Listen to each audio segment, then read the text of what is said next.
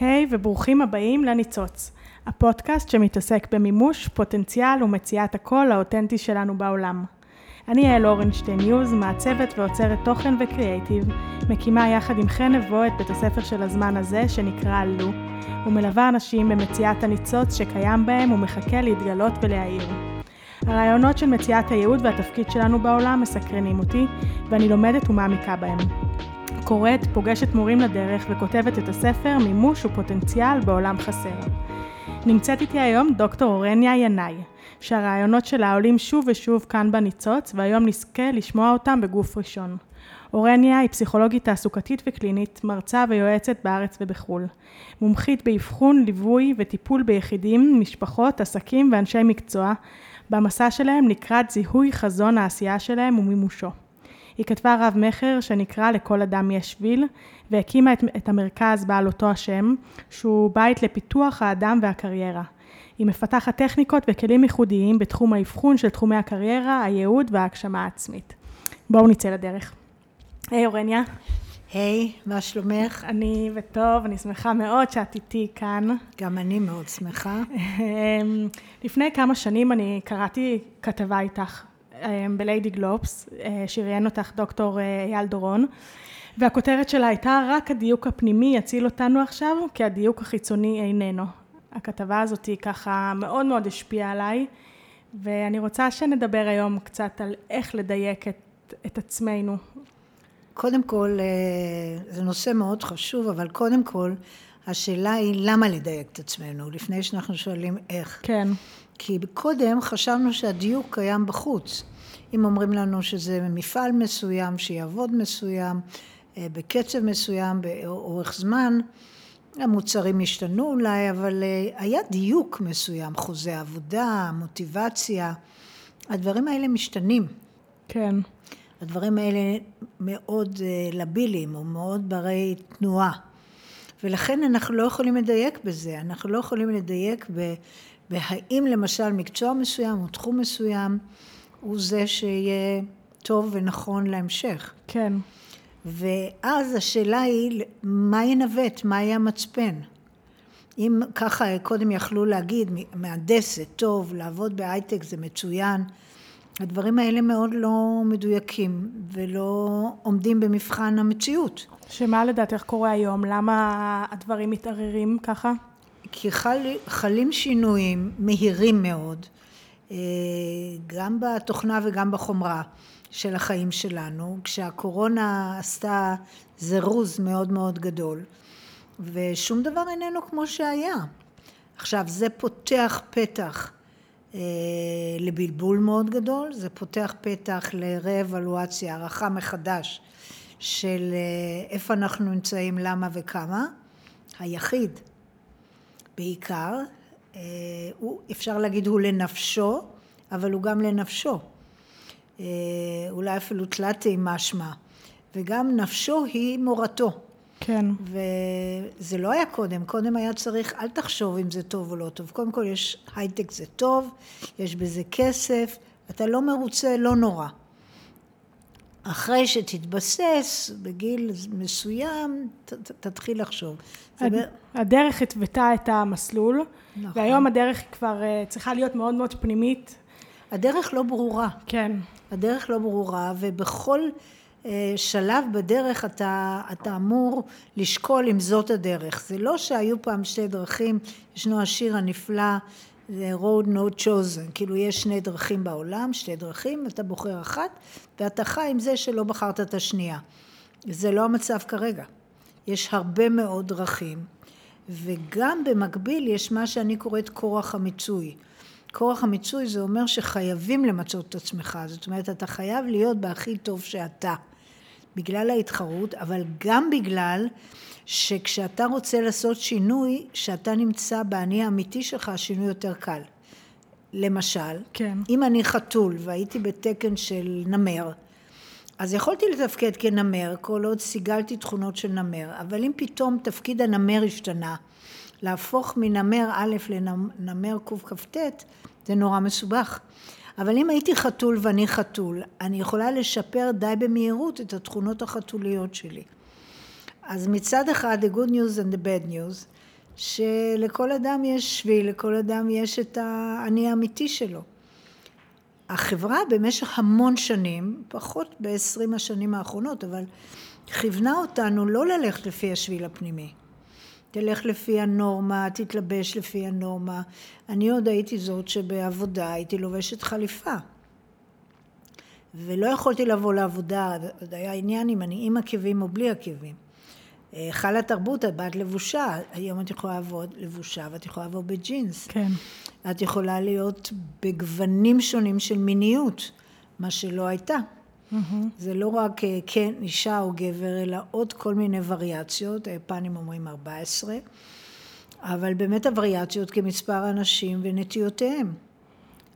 ובעולם העבודה אה, אתה בוחר את השביל שלך, וזה קפיצה מאוד רצינית בכל המנטליות של הבן אדם.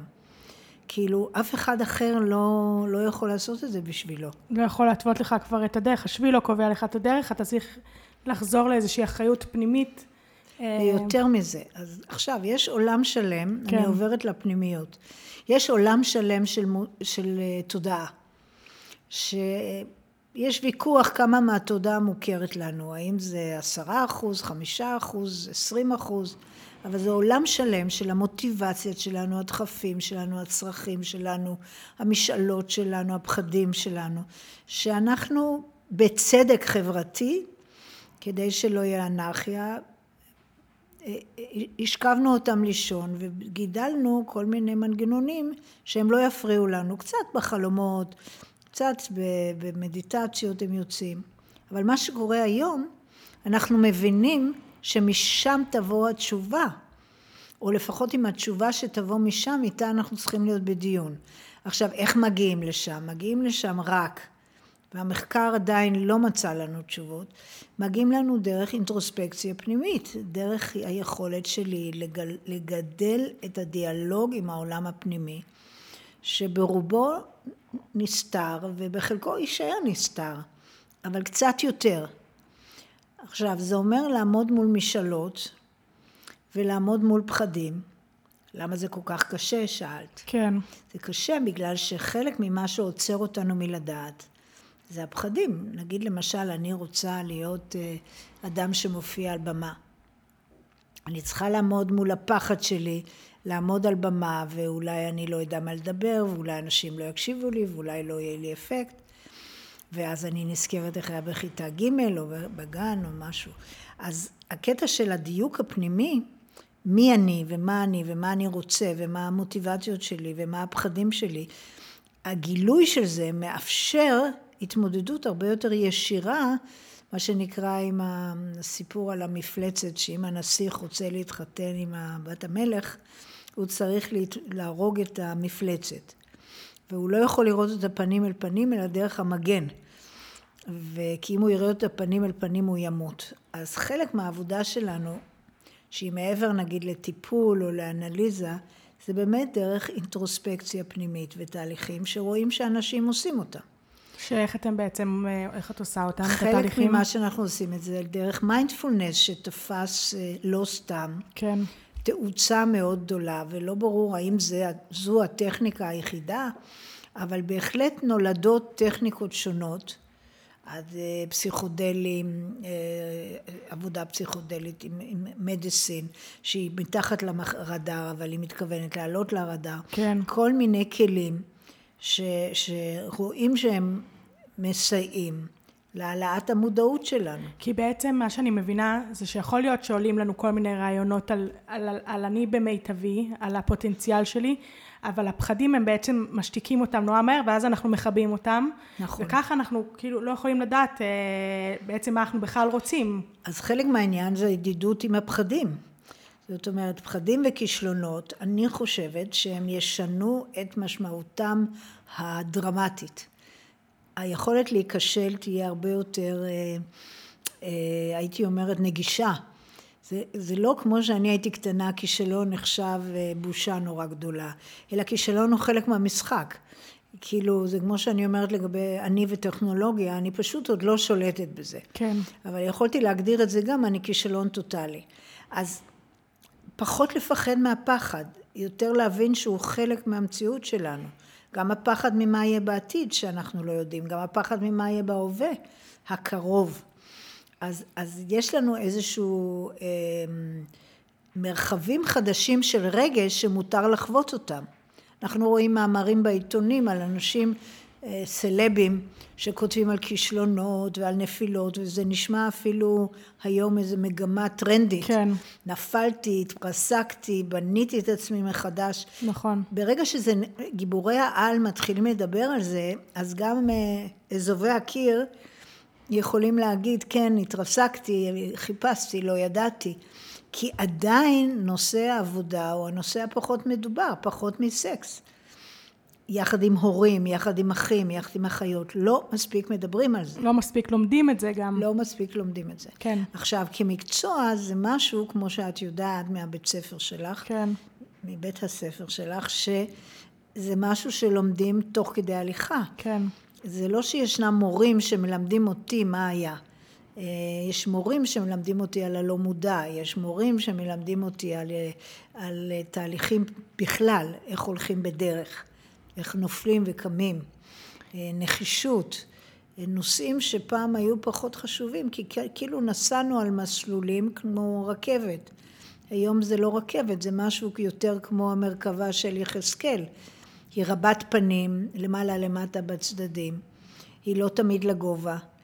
ופה יש עולם שלם של מושגים שהתפרק, אבל הוא מאפשר לבן אדם, או מאלץ את הבן אדם, להיות עם עצמו, שזה בניגוד לתהליכים שהיו קודם, ממש בניגוד.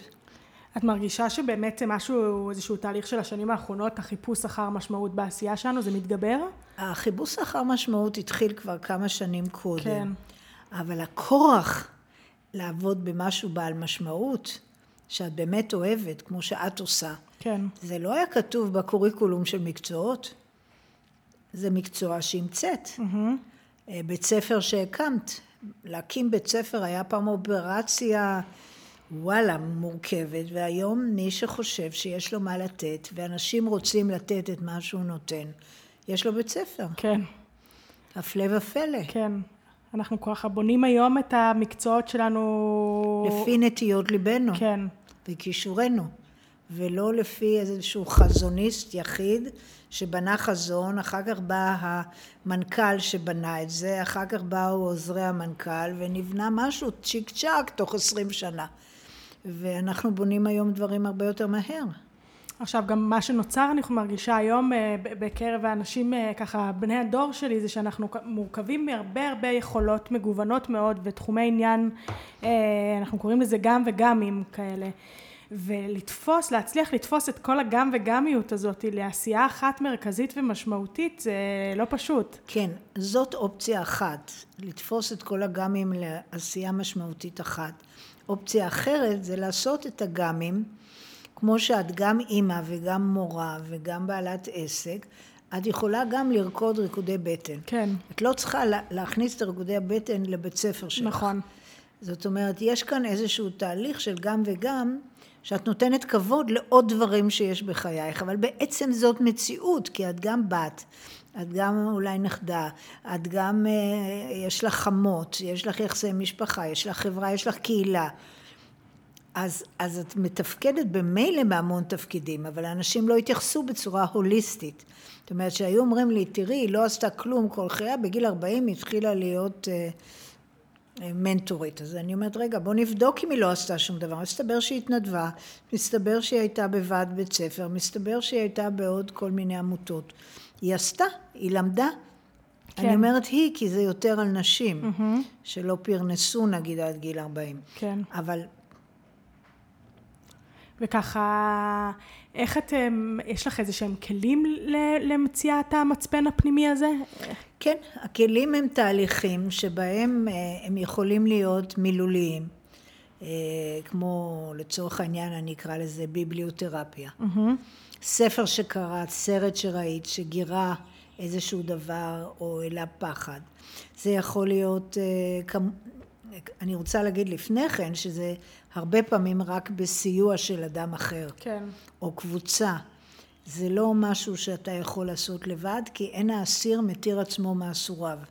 אתה לא רואה את הגב, אתה לא רואה מאחורה. עבודה קבוצתית, עבודה זוגית, עבודה עם יועצים למיניהם ולסוגיהם. אה, בהחלט גם אה, סוגים שונים של מדיטציה למי שזה מתאים. סוגים של תרפיה למי שמתאים, אנליזה למי שמתאים. ביו-פידבק. יש הרבה מאוד שיטות שהולכות ונבנות. אחד המקצועות שהייתי צריכה עזרה למישהו, זה נקרא גני, גניקוסופיה. גניקוסופיה זה מקצוע של גניקולוגים שעוסקים בפילוסופיה. וואו. וזו הייתה קליינטית שלי שהיה לה בעיה, פתאום גילו שאחרי לידה בעצם לא יצאו כל ה... כל השיירים. Mm-hmm, כן. וזו הייתה לידה שקטה. וכנראה היא עצרה את זה, והרופאים אמרו, טוב, אנחנו נעשה התערבות כירורגית. וזה היה בתקופת הסגר, והגניקוסופית הזאת דיברה איתה בטלפון שלוש שעות, ושעה אחרי זה כל מה שהיה בתוכה משתחרר. יצא החוצה. וואו. וזה מקצוע חדש. מדהים. של נשים שהיו במקומות האלה ולמדו אותם. אגב, הלימודים הם רציניים, למרות שזה לא אוניברסיטאות. הלימודים הם מאומנים ואומנות, כמו שאתה לומד נגיד להיות שמן. אה, אתה לומד את התהליכים האלה, וזה לא שאתה קם בבוקר ונעשה מומחה לזה. אבל זה מעניין אם אתה למשל נוסע בפרדס חנה, יש לך מומחית ללידות שקטות, מומחית לטיפול קיסרי, לפני ואחרי ותוך כדי. לא היו מקצועות כאלה. כן. והגינקולוגים לא אומנו לזה. אז נשים שעברו טראומה או עברו, בנו מקצוע, כן. שהוא כאילו מקצוע חדש. אבל אם נסתכל אחורה, מילדות של פעם ידעו לעשות את הדברים האלה. כי הוא בסך הכל מחובר משני תחומים אה, שונים. שונים למהות אחת. כן, ואז בעצם ככל שאנחנו, אני מרגישה שככל שאנחנו יותר פתוחים אה, וסקרנים לתחומים ומאפשרים לעצמנו לבחור כמה שבילים במקביל ולא כמו באמת פעם לבחור שביל אחד שבו הולכים, אז מפה נוצרות ההמצאות החדשות שמחברות בין שני עולמות. כן, אה, אבל מה שחשוב מאוד זה שזה בא מאיזה צורך, מאיזה פצע, מאיזה כאב פנימי. ברון קייטי כותבת את זה מאוד יפה, שהיא קואוצ'רית ומנחה בינלאומית. כן. היא אומרת, הייתי חולת נפש, הייתי בדיכאון מאושפזת. וראיתי שאף אחד לא עוזר לי, ורציתי נורא לצאת מהדיכאון.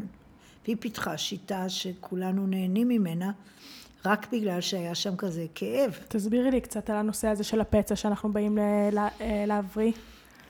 אה, בכדי, אפשר להגיד שכל אדם בא לעולם עם איזשהו, כל אדם באשר הוא, כולל מפגרים, כולל אה, פגועים בכל צורה אחרת, הם באו לעולם עם איזשהו תפקיד. כן. אפשר להאמין בזה ולא, אבל רואים שאם מדברים עם בני אדם שהגשימו את עצמם, הם יגידו שהם הרגישו שהיה להם צורך כזה. היה להם צורך כזה שרדף אותם. Mm-hmm. הם אולי לא יכלו, לא היה להם האומץ, לא היה להם הכלים, לא היה להם הכסף, לא היה להם כל מיני דברים לממש, אבל זה היה בתוכם. אה, עכשיו, לאורך החיים, יש לנו כל מיני אה, פצעים או, או טראומות או, או תהליכים שקרו לנו. אה, אז יש דוגמאות שאנחנו עושים את הייעוד שבאנו אליו, למשל מישהו שנועד לרפא אנשים, והוא באמת לומד רפואה ובאמת מאושר שם. כן. ויש לנו את הילד או הילדה שאימא חלתה בסרטן ומתה, והוא רוצה להיות רופא כמשהו משני לאני המקורי. ואז אני מוצאת רופאים למשל, אני לוקחת את זה רק כדוגמה, בגיל 40-50 שהם לא רוצים רפואה, הם רוצים מסחר, הם רוצים... ותודה לאל, היום יש מספיק אה, סטארט-אפים ורפואה שמחברת אה, מסחר ורפואה. כן. או משפטים ורפואה. ו... סליחה. ו... והם יכולים להתפתח ורואים שיש שם אני מתחת לשטח, אני באלף, כן. שרוצה. לצאת לידי ביטוי. אני רואה את זה ביתומי צה"ל, אני יכולה לתת מקרה אחד. סליחה, שבחור שניגן בהצטיינות בכלי נשיפה והתקבל לפילהרמונית והוא הגיע למשרד הביטחון כיתום צה"ל ואמר אני יודע שזה לא המקצוע שלי, זה לא הייעוד שלי, אני מנגן מצוין, התקבלתי לפילהרמונית. Mm-hmm. אז שלחו אותו אליי לראות מה באמת הנתיב. אז כמו תמיד, אני אומרת שהנועצים שלי ממש יודעים, לא רק שלי, כל היועצים יודעים, אבל נדבר אולי על הפחד לדעת. אה, הוא אמר לי, אני כבר יודע מה אני, אז אני אומרת לו, מה? אומר, אני איש עסקים, אני קונה תווים, מוכר תווים, קונה גיטרות, מוכר כינורות. אני עושה את זה ואני יודע שזה התחום שלי. מעניין. אבל מה, כולם אומרים לי, מה, תזרוק את הקריירה של מוזיקה? אז אני שואלת אותו, למה למדת מוזיקה? אז הוא אומר, הייתי ילד היפראקטיבי, אז נתנו לי תופים ונתנו לי כלי נשיפה, שאני אוציא את האנרגיה. ובמקרה שלו, הוא לא ידע שום דבר על משפחת אביו, כי אימא והמשפחה, האלמנה והמשפחה של הנופל היו מסוכסכים על כסף. ואמרתי לו, אז מדברת לך לפני שלושים שנה, אז מאוד לא היה מקובל אה, לחיות בשלום, או לעשות שלום, היום יותר. Mm-hmm. ואז אמרתי, תבקש מאמא שאתה יכול ללכת ו... ולפגוש את המשפחה של אבא שלך, אולי תמצא שם תשובות.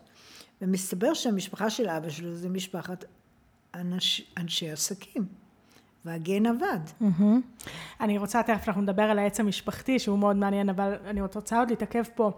בעצם, יכול להיות, מה שאנחנו גם רואות אה, שקורה היום, זה שבעצם אתה כל כמה שנים ממציא את עצמך מחדש. יכול להיות שבאיזשהו שלב התפקיד הזה באמת של להיות אה, מוזיקאי, הוא בא לרפא לו איזשהו סוג של פצע, בהחלט. הפצע החלים, עכשיו הוא צריך לעבור למדרגה הבאה. נכון, נכון.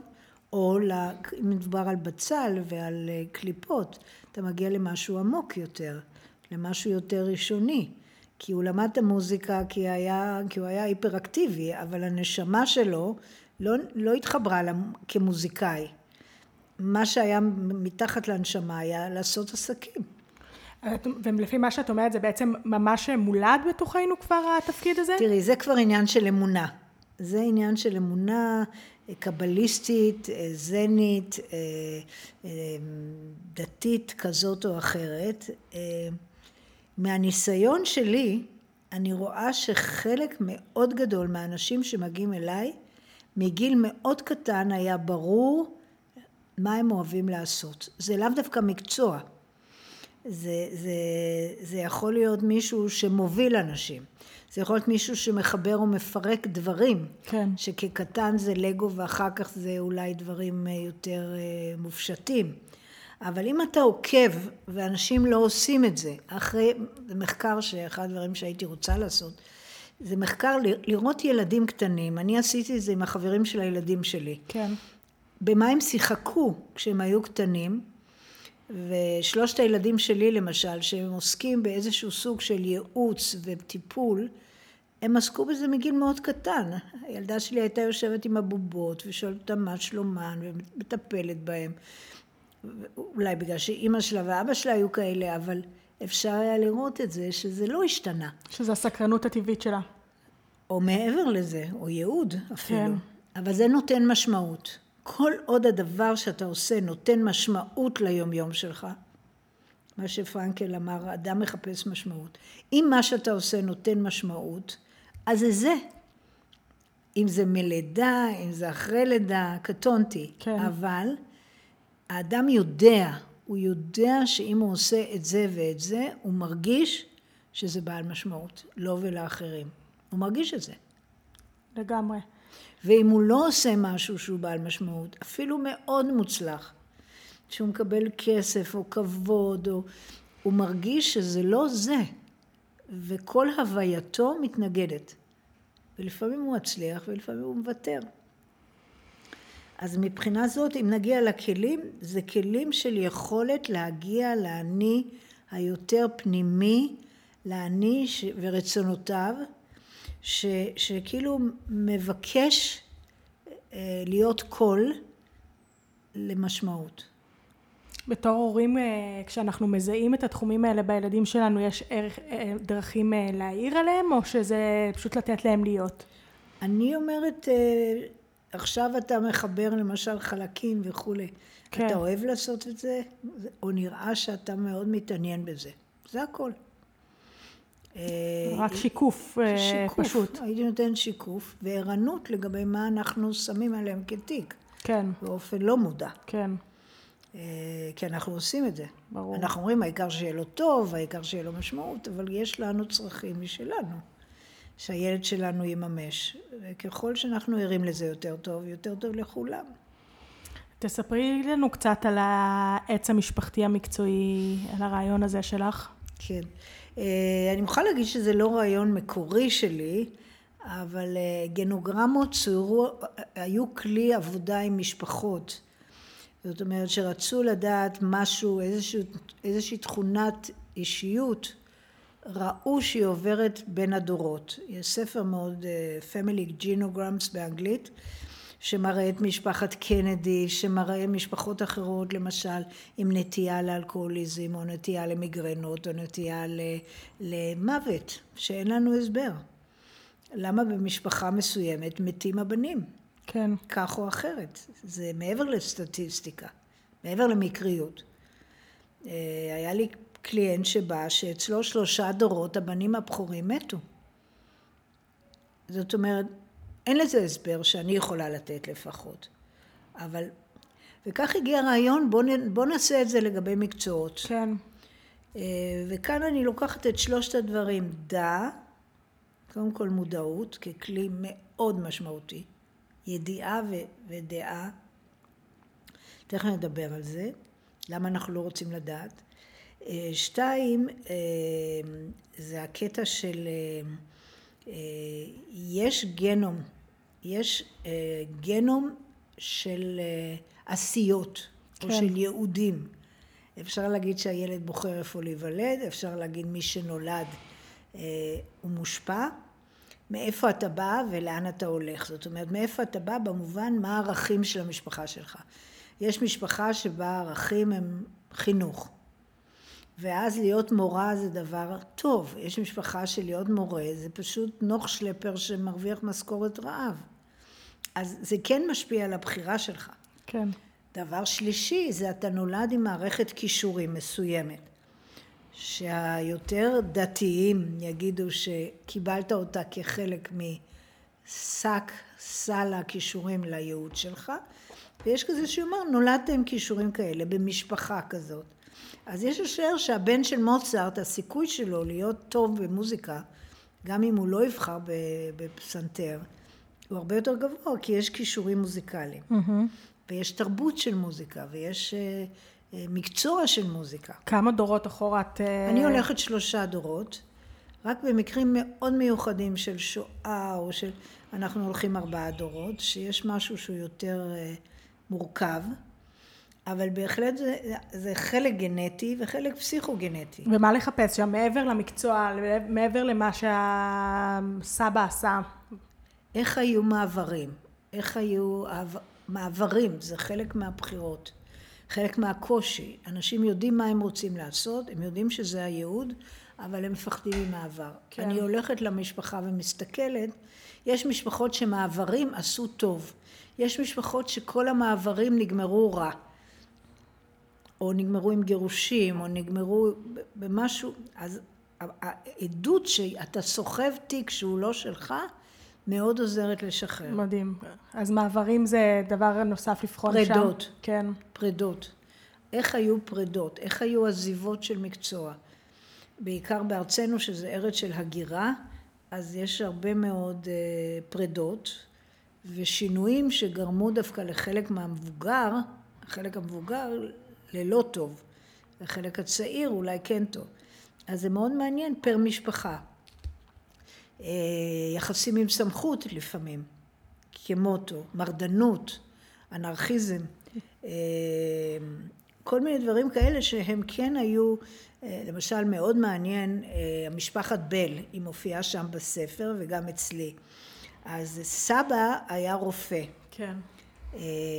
אבא היה מורה להגייה, ואשתו הייתה חירשת, ולימד דיקציה, כל העניין של דיבור, תקשורת.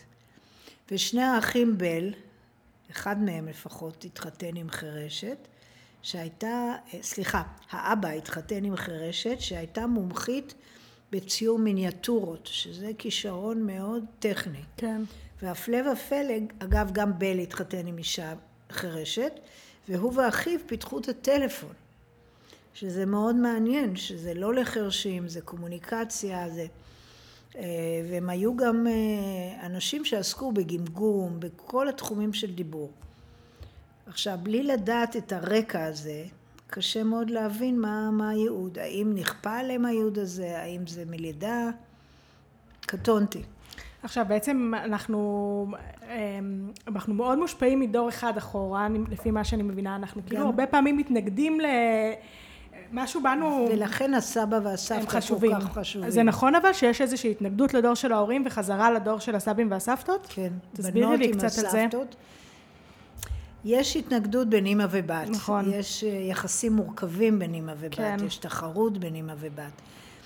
אה, אז חלק מהדבר הזה גם היה בין האימא והסבתא. Mm-hmm. ואז הדלת כאילו פתוחה גם ברצונה של האימא וגם רצונה של הסבתא לתיקון. אבל אני חושבת שיש גם כאן כישורים.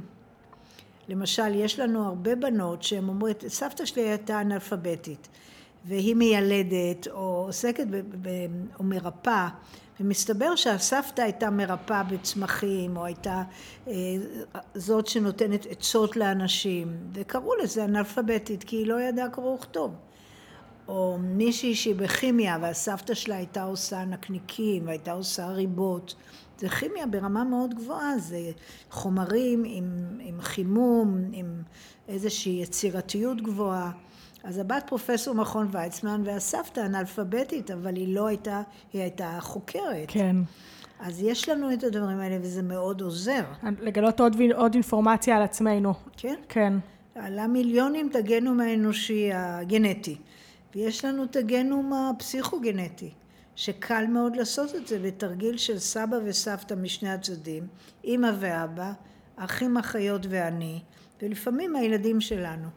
בספר שלך אני גם קראתי אה, בעצם לבחון את uh, תחושת המימוס של ההורים שלנו, נכון. כמה הם מימשו את עצמם מבחינה המקצועית, סוגיה, כמה הם אהבו את העבודה שלהם. סוגיה מאוד מאוד חשובה, כי uh, ילדים להורים לא ממומשים, שזה אחוז די גבוה בארץ, יש המון אשמה למה אני מרשה לעצמי להיות ממומש כשההורה שלי בכאב של האי מימוש.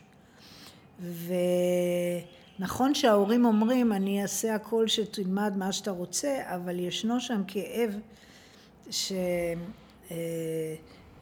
אה, זוכרת ש... אתן לך דוגמה אישית שהייתי ילדה כזאת כישרונית ואהבתי הרבה תחומים ובכיתה ח' קיבלתי פרס ארצי על ציור הבאתי את הפרס לאימא שלי, והיא אומרת לי, מה, גם בזה את כישרונית? זה היה מאוד כואב. אני לא נגעתי בציור מאז, מרוב אה, לא לפגוע בה. מעניין. כי הייתה מציירת. אז, אז יש קטע שאתה צריך להתמודד עם הכאב הזה, והוא אחד הכאבים, אני חושבת, היותר גדולים של אדם, שהוא לא מימש את חייו והם עברו סתם. כן. מבחינתו. Mm-hmm. כי הוא יכול לממש אותם דרך הורות, או סבתאות, או עשיית מעשים טובים, או, או בישול, או כל דבר אחר. אבל אם האדם חווה את עצמו כמי שחייו עברו לריק, בצדק או לא בצדק. כן. אין אומללות גדולה מזאת. ואז אנחנו כילד מאוד חוששים להביא את המימוש. ו...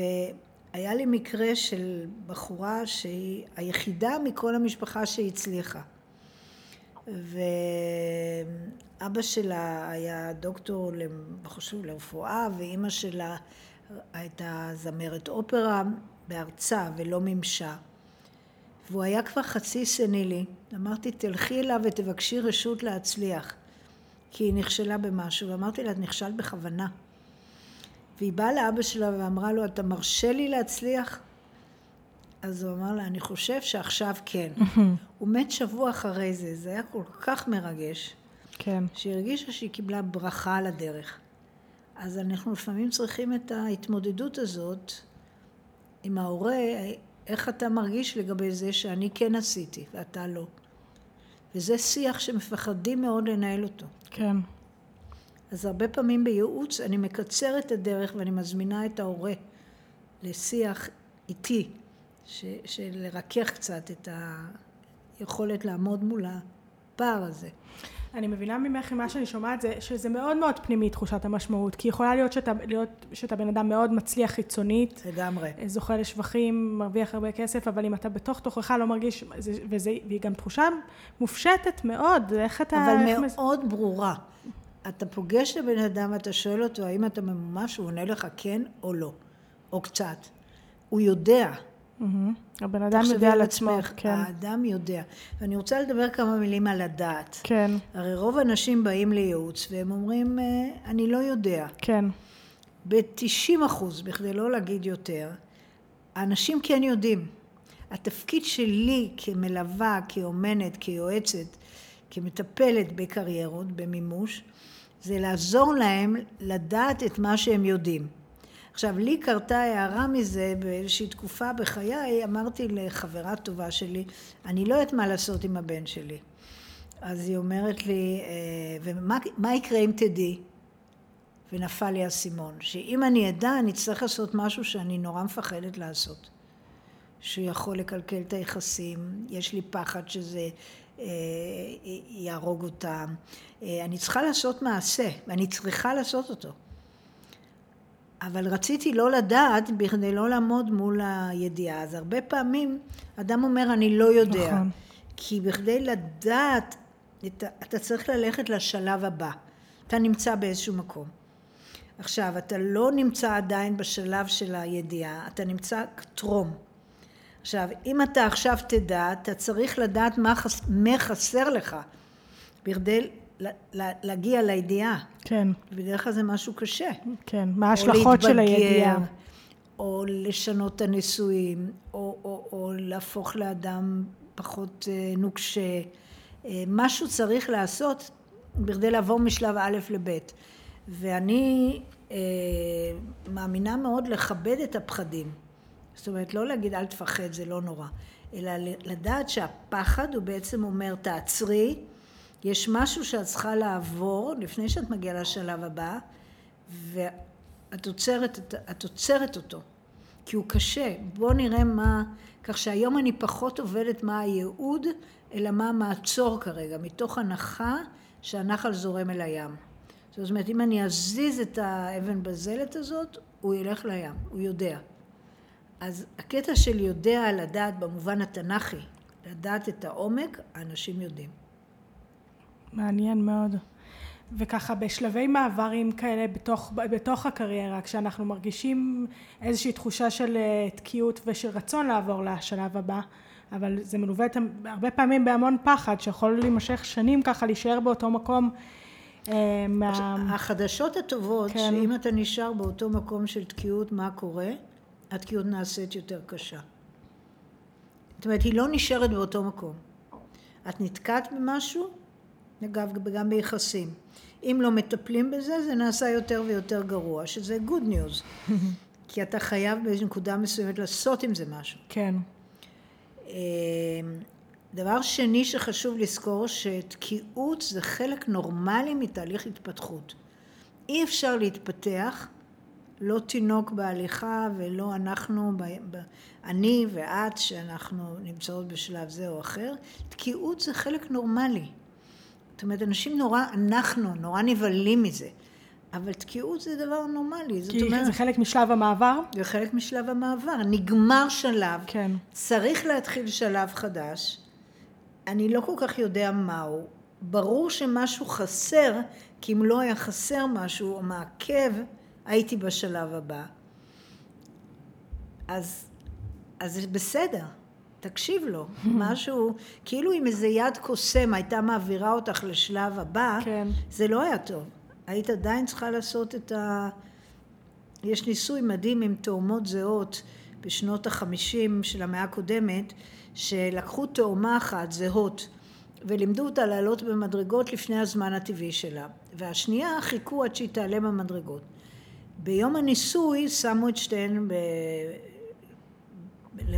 לרגלי המדרגות, אז זאת שאומנה עלתה בפעם הראשונה יותר מהר מהשנייה, אבל תוך שלושה ארבעה ניסיונות הטבעית עלתה מהר מאוד והשנייה לא עלתה מהר. למה?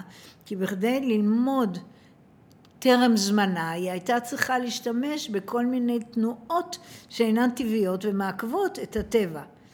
במרפקים, בכל מיני דברים ש... אז אנחנו גם לא רוצים לזרז. כן. לכן לא, לפחד פחות מתקיעות, כי להגיד, אוקיי, גמרתי שלב, כל הכבוד לי, גמרתי כיתה ג', כן. עכשיו לכיתה ד' אין את מה שהיה החופש הגדול. אני יוצר את החופש הגדול, או את הסדנה, או את התהליך. נעים זה לא. כן. אבל אפשר להפוך את זה לחוויה לימודית. יותר של הרפתקה, של, של הגילוי של הצעד הבא. בדיוק. וגם הגילוי של המעצור. מה בעצם עוצר אותי כרגע? מה, מה, מה מפריע לי ללכת הלאה? מה מפריע לי לדעת? מעניין מאוד. אני זוכרת שבאחד המפגשים שלנו את סיפרת לי על הרעיון של אה, זיהוי אנרגטי כשבאבחונים שלכם, של התאמות בין אנשים למקצועות. יש לכם כל מיני דרכים במכון שלכם לזהות אה, כן, אנרגיות של אנשים. הדרך הכי פשוטה שכל אדם יכול לעשות זה להסתכל על העיניים של מישהו שמספר לך על מה הוא עושה. אז אם הוא מספר לך שהוא... ואז הוא פתאום שואלת אותו, מה, מה אתה אוהב לעשות? זה לא משנה, הוא יכול להגיד כדורגל, הוא יכול להגיד אה, לבשל, אבל פתאום הפנים שלו מתעוררות, ורואים את זה, אפשר לצלם את זה. הוא יודע מה מדליק אותו, כן. מה מעניין אותו. ולכן ה... מבחינת האנרגיה זה קל מאוד. וככה אני יכולה להבין אז פה בעצם מה מרים אותך אנרגטית, אבל מעניין גם להבין היום חיבורים של אנרגיות במקומות עבודה, כמה המזג שלנו משפיע על התפקיד שלנו, כמה החיבור הרגשי שלנו משפיע על המקצועיות, על היכולת שלנו לבצע את התפקיד יותר ויותר טוב. דיברנו כבר קודם, שאם אתה חתול ואתה מרגיש טוב בהיותך חתול, אתה חתול מבסוט. כן. אם אתה חתול אריה, חתול על תקן של אריה, אתה לא יכול להיות מבסוט. אתה כל הזמן בצורה מלאכותית מחזיק את כל הווייתך. כן. אז אה, ברור שאם אדם, אתה רואה בפרצוף שלו בבוקר שהוא בא לעבודה כ... כ כבא או לקרב, או לקרב לפעמים יכול להיות מלהיב, אבל אם אתה בא למשהו שלא מעניין אותך, אתה רואה את זה על הפנים. כל אחד במחלקה יגיד לך את זה. כן. זה לא משהו להסתיר. או אתה רואה מישהו שאוהב מה שהוא עושה, אתה רואה את זה. דווקא בגלל הפשטות של הראייה, אפשר לצלם את זה בבוקר. תעשו תרגיל לצלם את העובדים בבוקר, אתה תראה את זה. אלא אם כן מפחדים ממצלמה. כן. כשאדם אוהב משהו, שאת מדברת על... על... על, על לו? על לו. כן. לו יהי. כן. את, את מלאה אור. כן. תדברי על משהו אחר, זה לא יהיה ככה, כן. זה מעניין, זה יהיה חשוב, זה יהיה חכם, אבל זה לאו דווקא יהיה משהו שאת מרגישה שאת נותנת לאנשים משמעות, ולך. תחושת המשמעות היא באמת תמיד מתייחסת גם למשהו שאנחנו עושים מיטיב לאדם מסביבנו, לאנשים מסביבנו? אני לא בטוחה, אני לא בטוחה, אבל באיזושהי צורה גם איזה ממציא איזוטרי שיושב באיזה מגדל הוא בסך הכל ממציא משהו שהוא חושב שיש צורך. כן. גם אם הוא נגיד ממציא לעצמו משהו, זה צורך אנושי שהוא עונה עליו. כן. אני חושבת שכן, mm-hmm. אבל uh, גם אם אתה במאפיה, אתה עושה את זה למען המאפיה. Mm-hmm. Uh, תמיד זה יש איזו חברות, אה, התייחסות לאנשים כן. מסביב. הקטע של נגיד צלף מקצועי. אוקיי. שהורג אנשים, נגיד, כן. אם אני הולכת לדוגמה מאוד קיצונית, כן. שאוהב את מלאכתו, בדרך כלל המשמעות היא נקמה. לנקום. במשהו שמישהו, משהו פגעו בך קשה. אני מרגישה עוד משהו בנוגע למשמעות, אמ, זה שעניין מר, עניין רב, כשאני בעצם מתעסקת, אה, לדוגמה בשאלות האלה שאנחנו מדברות עליהן היום, אני מאוד מאוד מתעניינת בתחום הזה. ועצם העיסוק ב, ברגע הזה, בשאלות האלה, גורם לי להרגיש משמעות, כי זה התחום שמעניין אותי.